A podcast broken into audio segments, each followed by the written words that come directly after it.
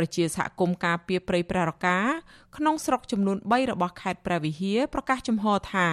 ពួកគាត់នឹងតស៊ូបដូរជីវិត ការពារព្រៃអភិរក្សមួយនេះឲ្យថិតថេរដើម្បីប្រយោជន៍យូរអង្វែងរបស់ពលរដ្ឋនិងសុវត្ថិភាពបរិស្ថាន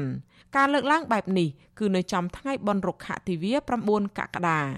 ប្រជាសហគមន៍ក្រុមយុវជននិងអ្នកដែលអាស្រ័យផលព្រៃឈើជិត200នាក់ បានពង្រាយគ្នានៅឯព្រៃព្រះរកាបំពោះដើមឈើធំធំ និងលើកបដាសរសេរពាក្យស្លោកលើស្លឹកឈើថាព្រៃព្រះរកាជាបេះដូងរបស់សហគមន៍ដើមច្បាស់ជ័រទឹកជាឆ្នាំងបាយរបស់យើង ការពៀព្រៃចូលរួមកាត់បន្ថយការប្រែប្រួលអាកាសធាតុនិងព្រៃព្រះរកាជាប្រភពចំណូលរបស់ប្រជាសហគមន៍ជាដើមក្រៅពីនេះពួកគាត់បានបង្ហោះវីដេអូរៀបរាប់ពីគុណប្រយោជន៍នៃព្រៃឈើហើយស្នើឲ្យពលរដ្ឋគ្រប់រូបចូលរួមថែរក្សាព្រៃឈើទាំងអស់គ្នាព្រៃឈើ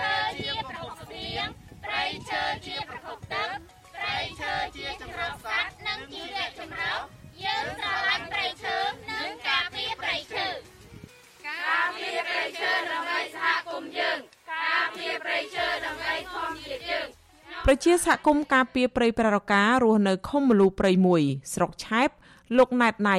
ប្រាប់វិទ្យុអស៊ីសេរីថាឆ្មាំអភិរក្សរបស់ក្រសួងបរិស្ថានមិនអនុញ្ញាតឲ្យប្រជាសហគមន៍ប្រារព្ធបុណ្យរុក្ខទិវានេះនៅតំបន់អភិរក្សទេហេតុនេះពួកគាត់បានប្រារព្ធទិវានេះនៅតាមជើងព្រៃគៀកព្រៃប្រារកាដោយយកស្បង់ជ័យពបបួសដើមឈើធំធំថតបង្ហោះ ផ្សព្វផ្សាយតាមបណ្ដាញសង្គម Facebook ដើម្បីឲ្យមហាជននិងអាជ្ញាធររួមគ្នាថែទាំព្រៃអភិរក្សនេះឲ្យមានប្រសិទ្ធភាព។លោកថាប្រជាសហគមន៍អស់សង្ឃឹមចំពោះការទប់ស្កាត់បទល្មើសព្រៃឈើរបស់រដ្ឋាភិបាល ព្រោះពួកគាត់នៅតែប្រទះឃើញសកម្មភាពដឹកឈើចេញពីព្រៃព្រះរកាជាហូរហែចំពោះបញ្ហាការពារសន្តានធម្មជាតិហ្នឹងគឺអត់អត់មានឃើញទេមានតែគេបំផ្លាញកាត់ដឹកឈើ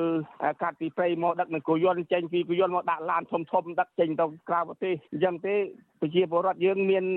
ទឹកចិត្តស្រឡាញ់ព្រៃឈើហើយហើយយើងខ្ញុំនឹងរួមគ្នាទាំងអស់ហើយក៏ខំពីវនីទៅដល់រដ្ឋាភិបាលដើម្បីឲ្យពង្រឹងផ្នែកខាងច្បាប់ទម្លាប់នឹងដើម្បីឲ្យព្រៃឈើរបស់យើងរស់រានបានគង់វង្សជាព្រៃឈើចុងក្រោយរបស់ហើយប្រជាពលរដ្ឋយើងហើយបាទប្រជាសហគមន៍រូបនេះសោកស្ដាយដែលអាជ្ញាធរមួយចំនួននៅតែកេងប្រវ័ញ្ចប្រយោជន៍ព្រៃឈើតាមរយៈការប្រព្រឹត្តអំពើពុករលួយដដែលៗធ្វើឲ្យព្រៃព្រះរកាហិនហោចលោកផ្ដាំទៅរដ្ឋាភិបាលប្រសិនបើការការពារព្រៃគង់វង្សត្រូវពង្រឹងការអនុវត្តច្បាប់បញ្ឈប់ការអនុញ្ញាតឲ្យមានការដឹកជញ្ជូនឈើហាមមិនឲ្យប្រើប្រាស់ម៉ាស៊ីនរណាយន្តអាឈើនិងបិទរោងចក្រសិប្បកម្មកែច្នៃឈើគ្រប់ប្រភេទ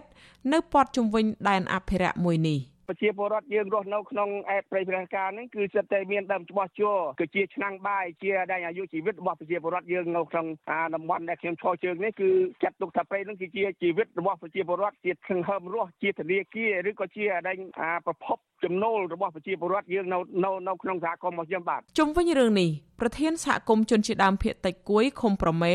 អ្នកស្រីទេពទឹមឲ្យដឹងថាពលរដ្ឋនៅឃុំប្រមេជិត100នាក់បានប្រារព្ធទិវានេះដែរក្នុងព្រៃសហគមន៍ក្បែរភូមិ ប៉ុន្តែពួកគាត់មិនហ៊ានជួបជុំគ្នាច្រើននោះទេខ្លាចក្រែងបំពេញបំរាមរបស់ក្រសួងសុខាភិបាលរឿងទប់ស្កាត់ជំងឺ Covid-19 អ្នកស្រីថាពលរដ្ឋស្នើឲ្យរដ្ឋាភិបាលពិចារណាអនុញ្ញាតឲ្យប្រជាសហគមន៍ចូលល្បាតព្រៃវិញព្រោះការទប់ស្កាត់សកម្មភាពបំផ្លាញព្រៃឈើឲ្យមានប្រសិទ្ធភាពមិនអាចខ្វះពលរដ្ឋចូលរួមបាននោះទេ ធ្វើហ្នឹងពួកខ្ញុំជាអំពាវនាវដល់ក្រសួងឬអ្នកពាក់ព័ន្ធទាំងអស់សូមឲ្យជាប្រវត្តិនឹងបានចូលព្រៃដើម្បីការពារពួកខ្ញុំអត់បានការពារទេតែព្រៃនឹងបាត់បង់អស់ទៅវាធ្វើឲ្យជនជាតិដើមប្រទេសសហគមន៍ដែលស្រ័យផលហ្នឹងវារងគ្រោះដោយសារការបាត់បង់ព្រៃឈើពទ្យុអសីស្រីមិនអាចសុំការបំភ្លឺពីអ្នកនាំពាក្យក្រសួងបរិស្ថានលោកណេតភក្ត្រា និងប្រធានដែនចម្រោះសត្វព្រៃព្រៃព្រះរកា លោកយ៉ាន់ប៊ុនសឿនបាននៅឡើយទេនៅថ្ងៃទី9កក្កដាព្រោះទូរស័ព្ទហៅចូលតែគ្មានអ្នកលើកប៉ុន្តែលោកណេតភក្ត្រាធ្លាប់លើកឡើងថាបណ្ដាញសហគមន៍គ្រប់តំបន់ការពារធម្មជាតិត្រូវបំពេញកាតព្វកិច្ចច្បាប់ជាមុនសិនមុននឹងចូលរួមការពារនិងអភិរក្សធនធានធម្មជាតិលោកថាក្រសួងបរិស្ថានស្វាគមន៍ចំពោះការចូលរួមការពារព្រៃអភិរក្សសម្រាប់ដៃគូទាំងឡាយណាដែលគោរពតាមគោលការណ៍ណែនាំតាមនីតិវិធី និងលិខិតបទដ្ឋានគតិយុត្តត្រឹមត្រូវ ជុំវិញរឿងនេះនាយកប្រតិបត្តិអង្គការពន្លកខ្មែរលោកប៉ាក់សុភ័ណ្ឌយល់ថាប្រជាសហគមន៍នៅតែព្រួយបារម្ភពីជោគវាសនានៃព្រៃប្រះរកាព្រោះសកម្មភាពកាប់ឈើនិងដឹកជញ្ជូនឈើនៅតែកើតមានឡើងជាហូរហែហើយការទប់ស្កាត់របស់មន្ត្រីបរិស្ថាននិងអាជ្ញាធរហាក់គ្មានប្រសិទ្ធភាពនោះទេលោកបញ្ជាក់ថាការប្រារព្ធទិវានេះគឺក្នុងបំណងស្នើឲ្យរដ្ឋាភិបាលលុបបំបាត់បទល្មើសព្រៃឈើនិងដាំដើមឈើឡើងវិញ។ គោលបំណងសំខាន់អ្នកដែលអាស្រ័យផលព្រៃឈើនៅក្នុងព្រៃពហរកាហ្នឹងគាត់ចង់បានចូលទៅមើលទៅថែដើមច្បាស់របស់គាត់ក៏ដូចជាចូលទៅឃ្លាំមើលការរំលោភឬក៏កាប់បំផ្លាញព្រៃឈើនៅក្នុងតំបន់នោះត្បិតអីមានការបំផ្លាញហើយនឹងការកាប់រៀនយកដីហើយអត់តន់មានចំណាត់ការ ជំវិញការអបអរបនរុក្ខទិវា9កក្កដាឆ្នាំ2021នេះដែរលោកនាយករដ្ឋមន្ត្រីហ៊ុនសែនបានផ្ញើសារតាមបណ្ដាញសង្គម Facebook ឲ្យពលរដ្ឋខ្មែរទូទាំងប្រទេសចូលរួមស្រឡាញ់ថែរក្សាការពារព្រៃឈើនិងចូលរួមដាំដុះកូនឈើឡើងវិញជាមួយគ្នានេះលោកអំពីវនីវដល់ប្រជាពលរដ្ឋឲ្យចូលរួមការពារបរិស្ថានធម្មជាតិឲ្យបានគង់វង្សគ្រប់ទីកន្លែងដើម្បីជាប្រយោជន៍ដល់ការរស់នៅ និងជីវិតសត្វព្រៃគ្រប់ប្រភេទ ព្រមទាំងប្រព័ន្ធជីវៈចម្រុះជាច្រើន ដែលជាសម្បត្តិរបស់មនុស្សជាតិនៅគ្រប់ជំនាន់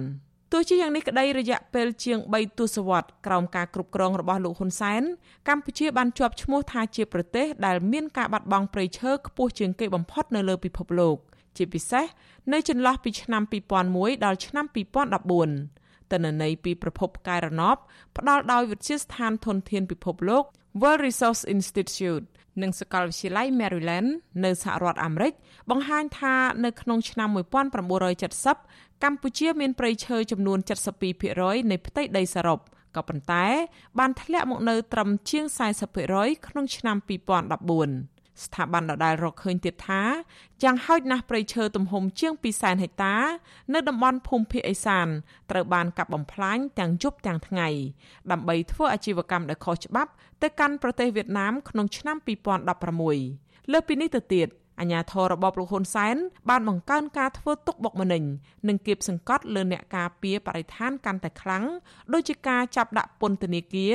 និងហាមមិនអោយសហគមន៍មូលដ្ឋានចុះល្បាតព្រៃជាដើម។ មកដល់ពេលនេះមានរយៈពេលជាង2ឆ្នាំកន្លះហើយដែលអាជ្ញាធរនិងក្រសួងបរិស្ថានមិនអនុញ្ញាតឲ្យប្រជាសហគមន៍និងក្រុមយុវជនចុះល្បាតព្រៃឈើនោះទេដោយលើកហេតុផលថាប្រជាសហគមន៍មិនបានសុំច្បាប់អនុញ្ញាតបំរាមនេះផ្ទុយទៅនឹងច្បាប់ស្ដីពីតំបន់ការពារធម្មជាតិដែលផ្ដល់សិទ្ធិឲ្យពលរដ្ឋអាចចូលរួមស្ដារការពារនិងអភិរក្សធនធានធម្មជាតិនិងផ្ទុយពីរដ្ឋធម្មនុញ្ញ ប្រជាសហគមន៍អំពាវនាវឲ្យអាជ្ញាធរគោរពច្បាប់ឲ្យបានត្រឹមត្រូវនិងស្នើឲ្យលោកនាយករដ្ឋមន្ត្រីហ៊ុនសែនគួរតែយោគយល់ចំពោះសហគមន៍ដែលលះបង់ដើម្បីការពារសម្បត្តិធនធានធម្មជាតិដោយបញ្ឈប់ការគៀបសង្កត់ទាំងឡាយលើពួកគាត់ចា៎នាងខ្ញុំខែសុណងវັດឈូអាស៊ីសេរីរាយការណ៍ពីរដ្ឋធានី Washington